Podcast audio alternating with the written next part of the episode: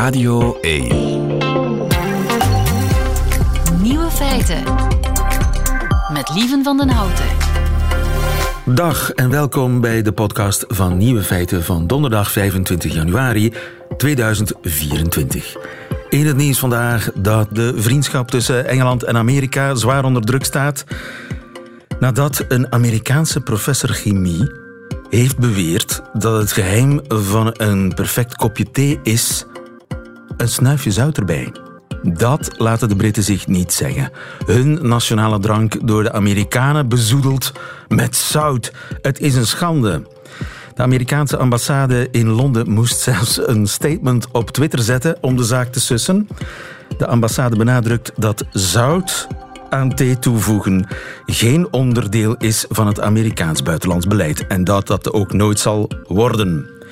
En dat op de ambassade thee alleen op de correcte manier wordt gezet, namelijk door het water met theezakje erin in de microgolf te doen. Waarop er natuurlijk een tweede golf van woede over Engeland raasde. Teagate, Teagate als het ware. Maar goed, dit zijn de andere nieuwe feiten vandaag. Björn Ulveus van ABBA was in Brussel voor een ontmoeting met onze premier, Alexander de Croo. De toekomst van de wijnbouw die ligt misschien in het oude Rome. Ik trakteer altijd mijn vriendin, maar zij trakteert mij nooit. Wat moet ik doen? Een vraag aan Rika. En grof geschud, die hoort u in hun middagjournaal. Veel plezier. Nieuwe feiten. Bent van Looy, goedemiddag. Goedemiddag, lieve. Bent vanuit Amsterdam, wat ben je daar gaan doen? Ik ben uh, gisteravond naar Ivo van Hoven's Jesus Christ Superstar gaan kijken. In het De La Mar Theater hier in Amsterdam. Ja. Dat is een, een, de culturele gebeurtenis van het voorjaar, nu al, toch? Dat lijkt daarop, ja. En zo was het ook echt. Mensen die er waren, waren zichtbaar uh, uh, opgewonden om er te zijn. Ja, want Ivo van Hoven is de sterregisseur van de Lage Landen. Belg, met een internationale carrière. Heeft samengewerkt met David Bowie. Mm -hmm als hij ja, een van de film classic en musical classics uh, gaat op het podium brengen. Jesus Christ Superstar uit uh, ja, vroege jaren 70, mm -hmm. eind jaren 60. Uh, dat, is, ja, dat is iets. Dat is iets, hè? Ja, en het is heel bijzonder omdat hij heel trouw is gebleven aan die originele jaren 70 versie. Muzikaal zou je bijna denken dat je naar de plaat zit te luisteren. Maar de ensenering is natuurlijk heel Ivo van Hoven. Heeft ook Jan Martens, een Belgische choreograaf, aangezocht om, om alles vorm te geven. En daar ben je heel ver weg van show op het podium. Hoewel het een musical is. Uh, want Ivo van Hoven, dat is rauw conflict. Oh ja, bloed, blote ruggen. Uh, een soort van uh, um, cast die als, als één uh, gewond dier beweegt. Heel, heel bijzonder. Dat kan hij heel goed. Hè? Een ja. enorm machine, een enorm apparaat met heel veel mensen en heel veel techniek. Als één lichaam laten bewegen mm -hmm. over het podium. Heel mooi. Maar gisteren heb je nooit meegemaakt met een ja, met, met iconen. Het was mijn dagje wel, ja. uh, ik, uh, ik, ik mocht in de kantoren uh, van Sabam eigenlijk vrijelijk een klein uur lang praten met een van de grootste genieën uit de popmuziek, de heer Björn Ulvaeus.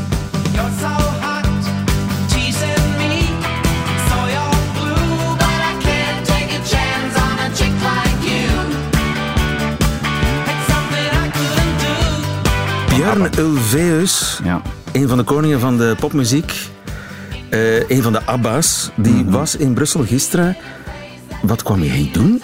Hij kwam uh, uh, naar Brussel, omdat daar de, het, het, het, voorzitterschap van de Europese Unie is aangebroken. En hij had een heel belangrijk thema. Hij strijdt uh, voor de rechten van auteurs, voor componisten, voor schrijvers.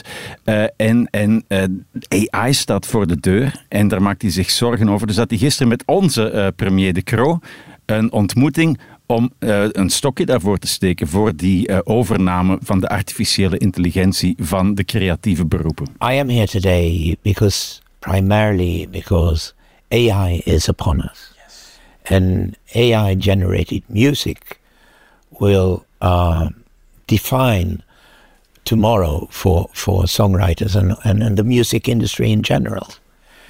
And uh, the need to protect copyright and the rights of songwriters has never been more urgent than right now. and uh, Europe um, has the possibility to establish principles that then other other countries in the world can, can live by. A principle that we respect copyright in this context. We want transparency and we want the copyright owners whose music the AI models will train on to be fairly remunerated. Mm-hmm. And I spoke to the Prime Minister about this because the presidency is now Belgian. And, and he was very sharp and he understood completely the problem. Yes. Je zou denken, hij is oud en rijk genoeg om op een strand in een warm land te zitten. Of op een klein eilandje in de Stockholmse archipel. Bijvoorbeeld. Ja. Hij houdt zich toch nog bezig met de toekomst. Eh, Heel erg zelfs. Hij is, hij is heel erg daarom bekommerd. En je merkt dat die man eh, eh, niet stil zit. Dat is, dat is iemand die voortdurend, misschien beter dan, dan, dan jonge mensen, op de hoogte is van wat er speelt en, en waar het naartoe gaat met zijn grote eh, passie. Liedjes eigenlijk. Hè.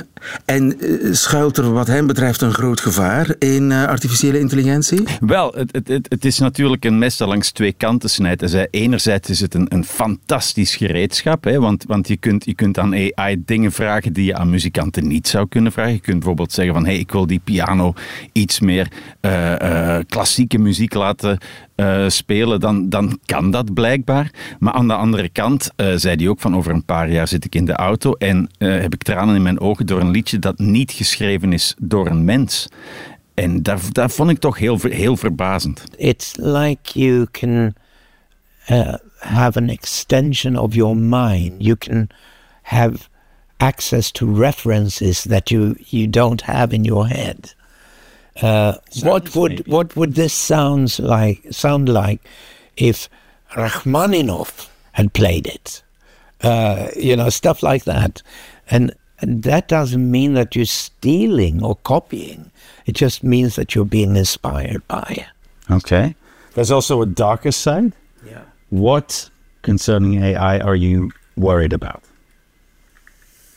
I'm I'm worried about AI generated music that hasn't been touched by a human hand, just automated and released into the uh, digital streaming world.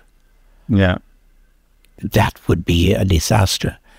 To give those AI um, uh, generated songs copyright status. Yeah, because who would in those copyrights? Yeah, exactly. Then we need to decide that now that those songs do not have copyright. Up until now, no fantastic song has been written by uh, an AI generator. But do you think that day is upon us? I, I think it will be, yes. They, they're not ready for that yet, but yes, there will come a day when uh, you, you listen to something on the radio. Maybe you're not seeing an artist or anything, you're just listening to a new song. And you'd think, oh, wow. It'll bring tears to your eyes. So beautiful. And it will be completely 100% AI generated. I'm, I'm, I'm convinced we'll we'll get to that. I'm a bit scared about that. I don't know how I would feel if they told me afterwards, "Did you know that what you just listened to, what brought tears to your eyes, was AI generated, hundred percent?" Dus het, het- er zijn voordelen en nadelen aan. Ja, ja, ja want eh, als, als, als computers kant-en-klare songs uit gaan spuwen, eh, wie gaat daar dan geld mee verdienen? En aan wie moet je dat betalen? Aan de computer? Eh, dat zijn allemaal heel zorgwekkende vragen. Ja, en Europa gaat zich daar nu mee moeien. Europa is eigenlijk de frontlinie van dat gevecht. In Amerika speelt het nog niet zo erg, in Azië ook niet, maar Europa natuurlijk, de boekdrukkunst is hier ook uitgevonden en zo, daar is, daar is die traditie. En, eh, Het auteursrecht is een Europese uitvinding. Precies, ja. En, en, en Europa is daar echt wel eh, eh, moedig een voorvechter van de rechten eh, van de auteur. Ja, hij is natuurlijk de, de man eh, van ABBA. Eh, heb je ook gevraagd over ABBA en de toekomst van ABBA? Ik heb heel veel gevraagd over ABBA. Ik ben, ik ben een enorme fan. En, Is dat eh, zo? Oh, lieve, je hebt geen idee. Ja, ja. Dat, is, dat, is, dat, heeft, mijn wereld bepaald, zou ik zeggen, de manier waarop zij, waarop zij muziek hebben gemaakt. En, en, en, en, en de mix tussen eh, vrolijke deuntjes en, en hartverscheurend eh, drama in de tekst. Daar hebben we het allemaal over gehad. Eh, maar natuurlijk ook van, laatst kwam er die, die onverwachte nieuwe ABBA-plaat. En ik vroeg mij af of er nog iets op die, op die plank lag daar in Stockholm. No, there's nothing more now. Um, every little snippet that we ever recorded has been released. And actually, we, we never went into the studio without having a complete song. So we only wrote like 13, 14 songs a year. Only finished. Yeah. And uh, so I, I hear about other people having, you know, hundreds of songs lying about, but that was never the case with us. We might have had hundreds of little ideas in our heads, but not complete songs. Do you ever wake up with a melody in your head that that that makes you go like, "This is ABBA"? I, I wake up with melodies, but yeah. Uh, ABBA could have done it, Yes. but ABBA is, is, is no more. That's right. Yeah. En dus helaas, Helemaal niks. Helemaal niks. Dat was het. Ja. wat ABBA betreft. Hij zei ook echt van, ABBA is het verleden. Oké. En dat klonk heel definitief. Ja. Hoe gaat het met hem eigenlijk? Want ja, hij is nu 78, wordt straks in april 79. Hij, hij was in topvorm. Hij was in topvorm en hij, hij genoot ook om, om, om het verleden in te duiken, om, om, om, om echt een gesprek te hebben. Het was veel meer dan een soort van plichtpleging, eh, ook van zijn kant. En ja, nee, een fantastische ontmoeting. Heerlijke man. Ja. Het, het klinkt alsof jullie telefoonnummers hebben uitgewisseld. Net niet. Doe het toch! Ja. Bent, hoe Ja. is het mogelijk? Ja, ja. Oké, dankjewel Bent. Veel succes eh, verder daar in Amsterdam en we zien je snel. Heel goed.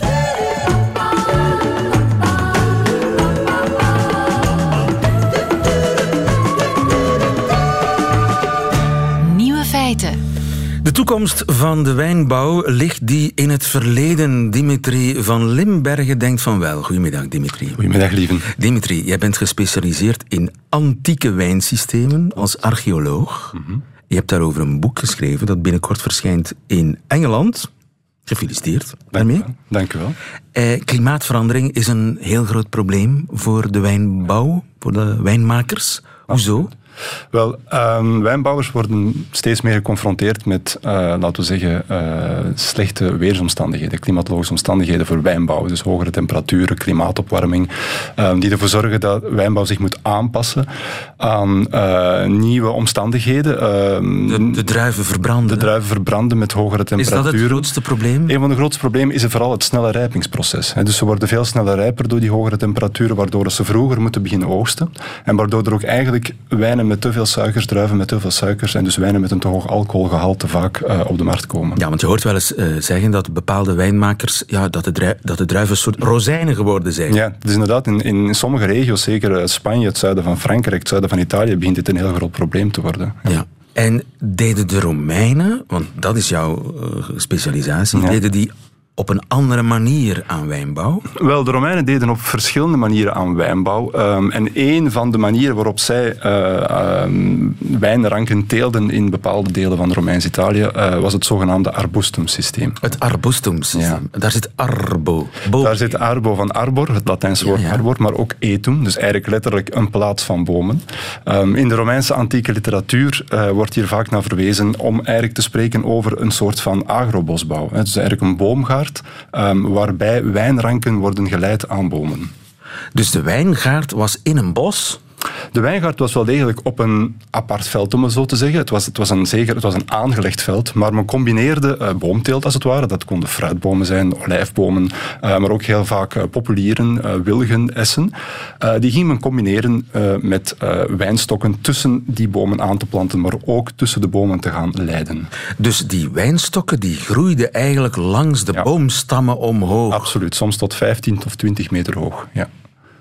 Oogsten op 20 meter hoog. Ja, dat gebeurde met ladders. Hè. Dus we hebben heel veel voorbeelden uit de antieke iconografie, ehm, waarbij je dus heel mooi het proces, het oogstproces ziet ehm, en dus eigenlijk heel mooi kan zien hoe met gebruik van eh, dus smalle, hoge ladders, heel hoge ladders, kleine mandjes, eh, die druiven worden geoogst. En waarom deden ze dat? Waarom zetten ze die niet gewoon zoals normale mensen? Ik bedoel, Ja, ik- mensen. Absoluut. Gewoon in rechte ranken Ja. eh, op een heuveltje, zodanig dat ze extra veel zon vangen. Er zijn eigenlijk verschillende redenen voor. Ehm, de belangrijkste zijn eh, uiteraard eh, ook wel een beetje... Het is een soort van wijnbouwsysteem dat heel aangepast was aan eh, kleine landbouwers. Dus eigenlijk landbouwers die op, op één klein veld al hun gewassen moeten gaan telen. En gebruik maakten van deze methode om zowel aan wijnbouw, graanteelt en fruitteelt te doen. Ehm, een andere reden is eigenlijk ook dat het een beetje zit in eh, het DNA van de druivelaar, om het zo te zeggen. Eigenlijk, de druivelaar is oorspronkelijk een klimplant. Hè. Eh, en kan zich eigenlijk heel gemakkelijk ehm, standhouden in dergelijke omstandigheden. Is ook een beetje de oorspronkelijke biotoop van dergelijke wijnranken. En misschien was de druivenrank toen nog gewoon een klimplant. En was het nog niet, eh, weet ik veel, ik ken, ik ken er geen details van, maar moet je een plant niet zo ja, enten en daar allerlei Ja, het eh, was... Ja, kweektechnieken op toepassen? Dat zijn zaken die ook de Dat Romeinen... moest nog uitgevonden worden. Wel, de Romeinen hebben het ontwikkeld. Ah, Eh, het zijn zaken die een beetje begonnen zijn bij de, eh, bij de Etrusken en ook bij de Grieken daarvoor. Die zijn eigenlijk begonnen met het, met het, eh, het systematisch enten, het systematisch gaan, gaan houden van deze wijnstokken. Maar tegelijkertijd, ook bij de Etrusken was dit systeem heel populair. Zie je die, die afkomst nog eigenlijk van het, de, de wilde druivelaar, die in dit soort van, van, van ja, ook in een soort van, van wetlands eigenlijk... gaat- Overigens, die wijn die daarvan afkomstig was, Hmm. zouden we die vandaag lekker vinden? Goh, dat is natuurlijk zoals steeds een kwestie van smaak. Want de smaak zit ook een beetje in de druif natuurlijk. Hè? Dat maakt het zeker voor een groot deel in de druif. We, eh, we weten op dit moment niet zozeer, we weten wel de namen van die druivenrassen, eh, maar we weten niet goed de link tussen moderne druivenrassen en oude Ja. druivenrassen. Dus Is die waar- ooit al eens nagemaakt? Dat zou eigenlijk mooi zijn als we echt... echt de wijn is soms is op eh, een paar keer nagemaakt. In de jaren 90 heeft men daar experimenten mee gedaan op basis van antieke recepten. Ehm, maar eigenlijk als je, als je een hedendaags voorbeeld wilt hebben van dergelijke wijnen, kan je ook gaan kijken naar Georgië bijvoorbeeld. hè. Dus in Georgië wordt er nog altijd wijn gemaakt op heel traditionele manieren. Op Romeinse wijze. Wel, eigenlijk op antieke Romeinse wijze, om het zo te zeggen. Dus zowel de Romeinen als de Georgers vandaag de dag eh, maken gebruik van wat wij in de Romeinse tijd dolia noemen, eh, maar in vandaag de dag in, in Georgië kvevri. En dat zijn grote eh terracotta containers, grote ceramische Dat is containers. de vinificatie. Die voor de vinificatie Dat is achteraf natuurlijk, hè? Dat is achteraf, ja, Ja. zeker. En die begraven ze zeker hè, in de grond. Die begraven ze in de grond omwille van de temperatuur. Kruiken in de grond. Ja, stabilisatie van temperatuur, heel Ja. belangrijk voor ja, fermentatie. en dat is dan de fermentatie, dat is echt het wijnmakersproces. Ja, maar, maar wat betreft de druivenranken zelf, dan, eh, daar groeien ze toch niet door Wel, op, de, op bomen? Nee, het systeem van eh, het gebruik maken van deze druiven, ranken aan bomen, is iets wat eigenlijk door middel van eh, de industrialisatie Ja, ook in, in de jaren, dat is voorbij. In sommige gebieden wordt het nog toegepast. Er is een klein gebied rond Napels waar het nog op enkel 100 hectare wordt toegepast. Ja. Maar dat blijft een unicum momenteel. Ja, ja. Nu, er zijn wel ehm, opnieuw experimenten met dit soort systeem. Hè. Dus in, in Portugal bijvoorbeeld, maar ook in het zuiden van Frankrijk, begint men opnieuw te experimenteren eh, met dit soort van, van agrobosbouw eigenlijk, in de wijnbouw. En is dat specifiek met name bedoeld om die klimaatopwarming tegen te gaan of de effecten daarvan tegen te Ja, gaan? dus een van de grote motivaties daarachter is inderdaad kijken naar manieren eh, waarop eh, wijnbouwers zich kunnen wapenen tegen die hogere temperaturen, eh, tegen die veranderende klimaatomstandigheden, die ook andere ehm, eh, uitdagingen met zich meebrengen, ander soort van insecten die worden aangetrokken, ander soort van schimmelziektes die terug opduiken. En daar probeert men mee om te gaan. Ja, ja. Dus, eh, maar ik, ik zou denken, ja, natuurlijk, je hebt een bladerdek, dus Mhm. dan, dan scherm je de druif een beetje af van de zon. Maar ja, een druif heeft ook zon nodig, toch? Ja, absoluut. Ehm, dat is ook een van de, de ingenieuze eh, aspecten van dit wijnbouwsysteem. En de Romeinse auteurs beschrijven dat al eigenlijk in de oudheid. Het feit dat je een soort van balans kunt vinden tussen ehm, het, het bladerdak van deze bomen, als het ware, en, en de behoefte aan zon van de wijnstok. Dus als je erin slaagt eigenlijk om daar tussen die twee een gezonde balans te vinden, eh, dan krijg je eigenlijk druiven die op een heel egale manier gaan rijpen binnen dit agrobosbouwsysteem. Een ander probleem zou kunnen zijn dat die bomen het vocht al wegtrekken uit de grond. Veel van die bomen, effectief, eh, als je kijkt naar eh, archeologische contexten waar we, waar we eh, resten aantreffen of sporen aantreffen van de arbustum, en ook in de literatuur, zien we dat er vaak bomen gebruikt worden die heel veel water nodig hebben. Dus populieren, essen, wilgen, en daardoor heel vaak... Met opzet. Met willig. Wel, oorspronkelijk inderdaad niet met opzet, maar men heeft dat zeker wel doorgehad. En het is een soort van natuurlijk, natuurlijke waterpompsysteem eigenlijk, om in een soort van, een soort van drainagesysteem. Als je die bomen in grote getalen gaat aanplanten, dan gaan die zeker meehelpen om je bodem te draineren. Ja, en dat is nodig voor de druif, want die moet het, water gaan zoeken in de Ja, diepte. dat is absoluut nodig, want een druif heeft ook eh, last van te veel water. Een druif kan eigenlijk niet tegen te veel water. Ja, je krijgt er eh, hele eh, onaangename schimmelziektes van. Ja, denk je dat dit echt de toekomst is van de wijnbouw? Het is één in streken waar die onder druk staat? Ja, het is, wel, het is één van de, denk ik, één van de pistes waar we naar kunnen kijken om wijnbouw aan te passen in de toekomst. Het zal niet in elke regio werken, het zal niet in alle omstandigheden werken, denk ik. Uh, maar ik denk wel dat het zeker uh, voor kleinere wijnbouwers bijvoorbeeld, uh, in bepaalde regio's die erg onderhevig gaan zijn aan temperatuurstijgingen, dat het wel interessant zou zijn. Ja, het is wel avonturen natuurlijk, want je wie weet hoe die wijn zal smaken. Maar het is eigenlijk een, een, een nieuwe zoektocht eigenlijk. Hè? Ja. ja. absoluut. Ja. Maar uh, denk een manier wel om ons in de toekomst een nieuwe balans te zoeken misschien tussen ja. uh, de natuur en de, en de Met in ons achterhoofd de Romeinen, die wisten wat wijn drinken was. Hè? Romeinen dronken heel veel wijn. Hoeveel wijn dronken die zo? Uh, dat gaat soms over enkele liters per dag. Hè. Dus, maar dat, dat is, je moet er wow. direct de bedenking bij maken dat wijn heel vaak werd aangelengd met water in de Romeinse tijd. dus eigenlijk een soort van consumptie die je misschien eerder kan vergelijken met bier vandaag de dag. Of bier soms ook in de middeleeuwen. boeren die drie tot vijf liter bier per dag kregen, oogstwerkers. Het is dit soort van consumptie dat je een beetje in je hoofd moet hebben. Ook omdat het natuurlijk in de oudheid vaak uh, eigenlijk uh, gezonder was, veiliger was dan uh, een drank te drinken waar alcohol in zat. Ja, maar dus qua alcoholpercentage kun je dat niet vergelijken met de van de heden. De, de wijnen op zich waren redelijk gelijkaardig van alcoholpercentage. Misschien soms zelfs iets, iets meer, omdat er vaak... Maar ze er heel veel water ja, bij. maar er gewoon, gewoon heel veel water bij. Ja, dus daardoor een, een andere drank eigenlijk voor een stuk. Ja. ja. Een wijn op Romeinse wijze. Wie weet, in de toekomst. Dankjewel, Dimitri. Graag gedaan. Voor uh, dit gesprek, Dimitri van Limbergen. Vraag het aan Rika.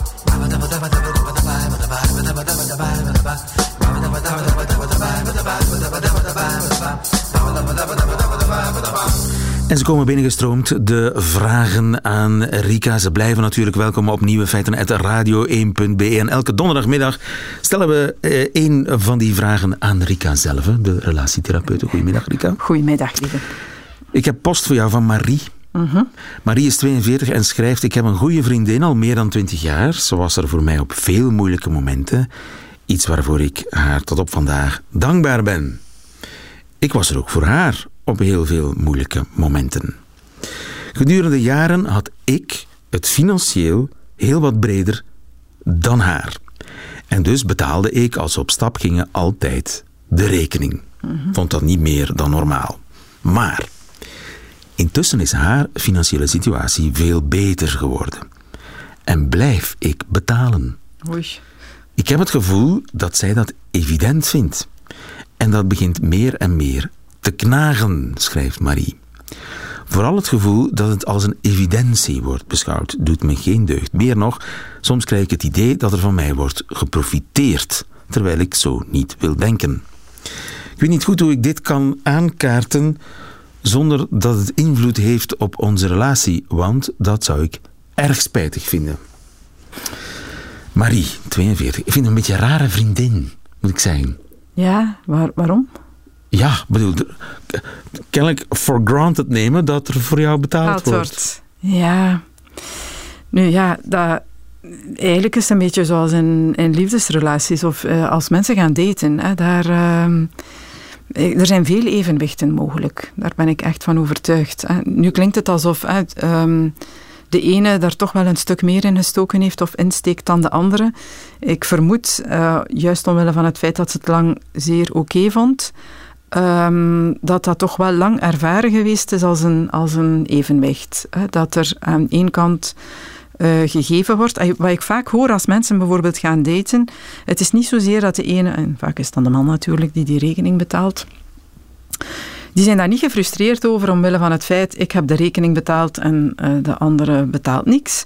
Maar veel meer welke vorm van erkenning komt daarvoor. Uh, ik denk dat veel zit in het als evident beschouwen dat de andere de rekening betaalt.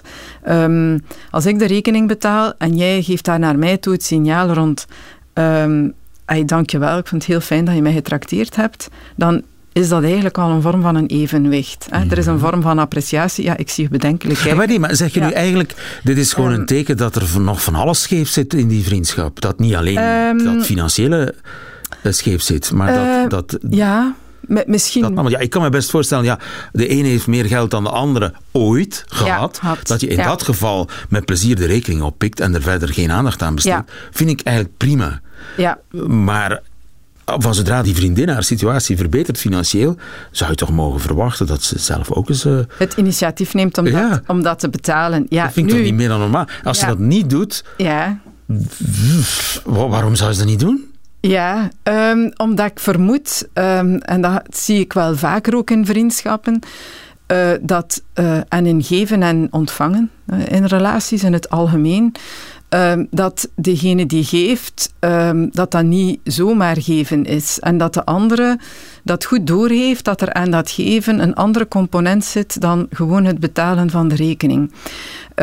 Bij koppels zie ik dat vaak. Hè. Als er één iemand is die dan zo provider is, ehm, dat plaatst de andere een stukje in een kwetsbare positie. Wie Ehm, betaalt, bepaalt. Wie betaalt, bepaalt. Dus en een soort baas. een soort baas. En dat geeft je ook een gevoel van controle. Hè. Dat is eigenlijk ook wel een heel comfortabele Ja, positie. daarom hè. zou ik in de andere positie zittende Ja. liefst eh, de, eh, de- het evenwicht Ja. hersteld zien. Want dat, ja, Ja, maar daar zit dan... ehm, degene die dat geeft, vindt dat dan een heel fijn gevoel. Hè, van, ik geef, niet, Marie. Nu niet meer. Hè, Ja. Maar daar heeft duidelijk altijd ook een aspect aangezeten van...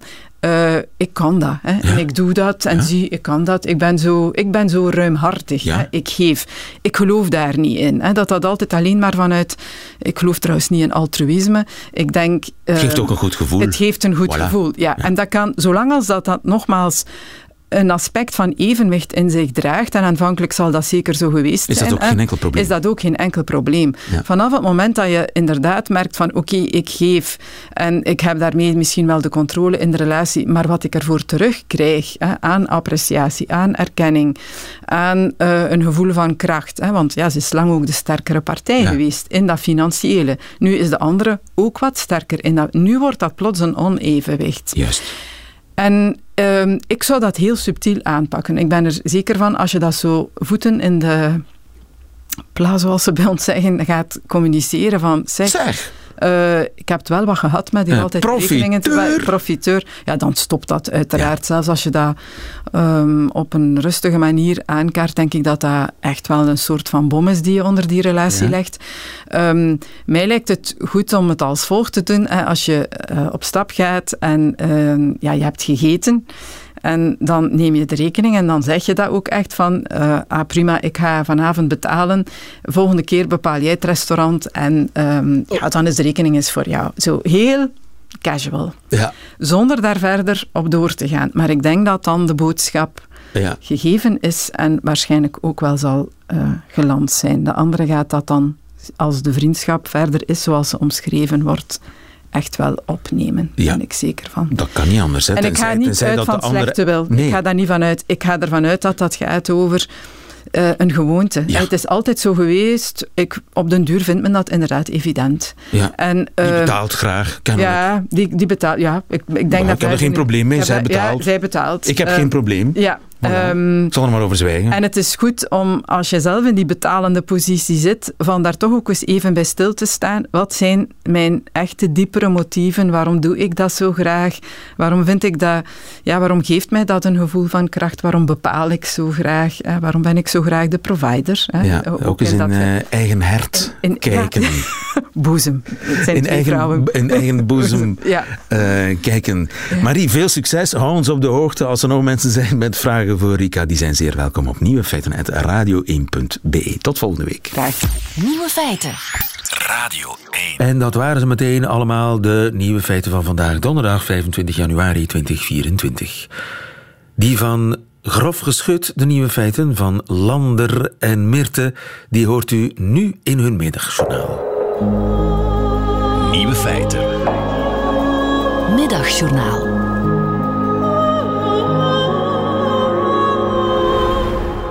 Beste luisteraar, Het is weer hoog tijd voor een ode. een blijk van oprechte erkenning. Wij zijn druk op tournee met onze nieuwe voorstelling Kroost en wij willen u als publiek ergens op attent maken. Veel mensen denken namelijk dat onze voorstelling begint op het moment dat onze voorstelling begint. Maar dat is natuurlijk helemaal niet. Onze voorstelling start elke dag om twee uur. Vandaag willen wij iemand in de schijnwerper zetten die normaal in het donker zit. Probeert u zich in te beelden, beste luisteraar.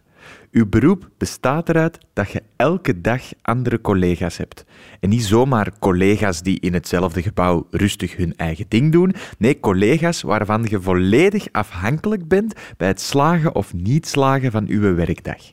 Elke dag, stipt om twee uur, sta je met ons decor in het theater. Geen kwartier later. Ja, mannetjes, dat is cruciaal voor de sfeer. Je stapt uit, rookt een sigaretje, en je blijft een technieker, zoekt de techniekers van het theater en binnen de vijf minuten moet je inschatten wat voor vlees je in de kuip hebt. Moet je de vrolijkaart uithangen, de strenge ik moet hier op mijn strepen staan, de rustige, degene die de boel een beetje kalmeert of juist iedereen achter de broek aan zit. Een verkeerde inschatting en je krijgt niks meer gedaan bij je collega's van vandaag. Kijk, ik vind dat wonderlijk, echt waanzin. Ik vind het al lastig genoeg om mijn ene vaste collega tevreden te houden. Ik ben de moeilijkste niet en toch is de sfeer altijd om te janken. En dan, als het eenmaal is gelukt om de collega's wat in te schatten, kijk je naar het podium. Kan ons hele decor er staan of moet je improviseren? Kunt je de profielspots hangen? Is het op LED of analoog? Wat voor geluidssysteem is het vandaag? Geen enkele avond is hetzelfde. Als dat allemaal is gelukt, jij er al een hele werkdag hebt opzitten, Komen wij je tegen een uur of vijf een keer aankakken, als je geluk hebt. Want ja, sorry, de auto moest nog opgeladen worden onderweg. of Ja, ik had echt lekkere trek in een kroketje, dus we moesten echt eventjes stoppen. want zo klinkt ze, onze Mirte. Goed. Zitten wij meestal tijdens de soundcheck ook nog te zeuren over hoe een drukke dag we hebben gehad? De hele voorstelling lang moet je dan in volle focus zijn, hoewel je de voorstelling al honderd keer hebt gedraaid. En na afloop krijg je van ons een kushand, terwijl het publiek onze kant opklapt. En dan alles opruimen. En vaak als laatste naar huis. Kunt u het zich voorstellen, beste luisteraar? Om nog maar te zwijgen over de uren en uren onderweg. Alleen. Met ons decor. Lieve Geert, vandaag is ons middagjournaal voor jou. Onze lieve technicus. Gefeliciteerd met jouw verjaardag. Terwijl je dit hoort, bent je onderweg naar Nijmegen, waar wij vanavond spelen. Want jarig of niet, toeren is de Geert zijn leven. Wij vertrekken ook zo, stoppen onderweg voor een kroketje en zullen er ook een meenemen voor jou met wat kaarsjes erin. Tot, straks.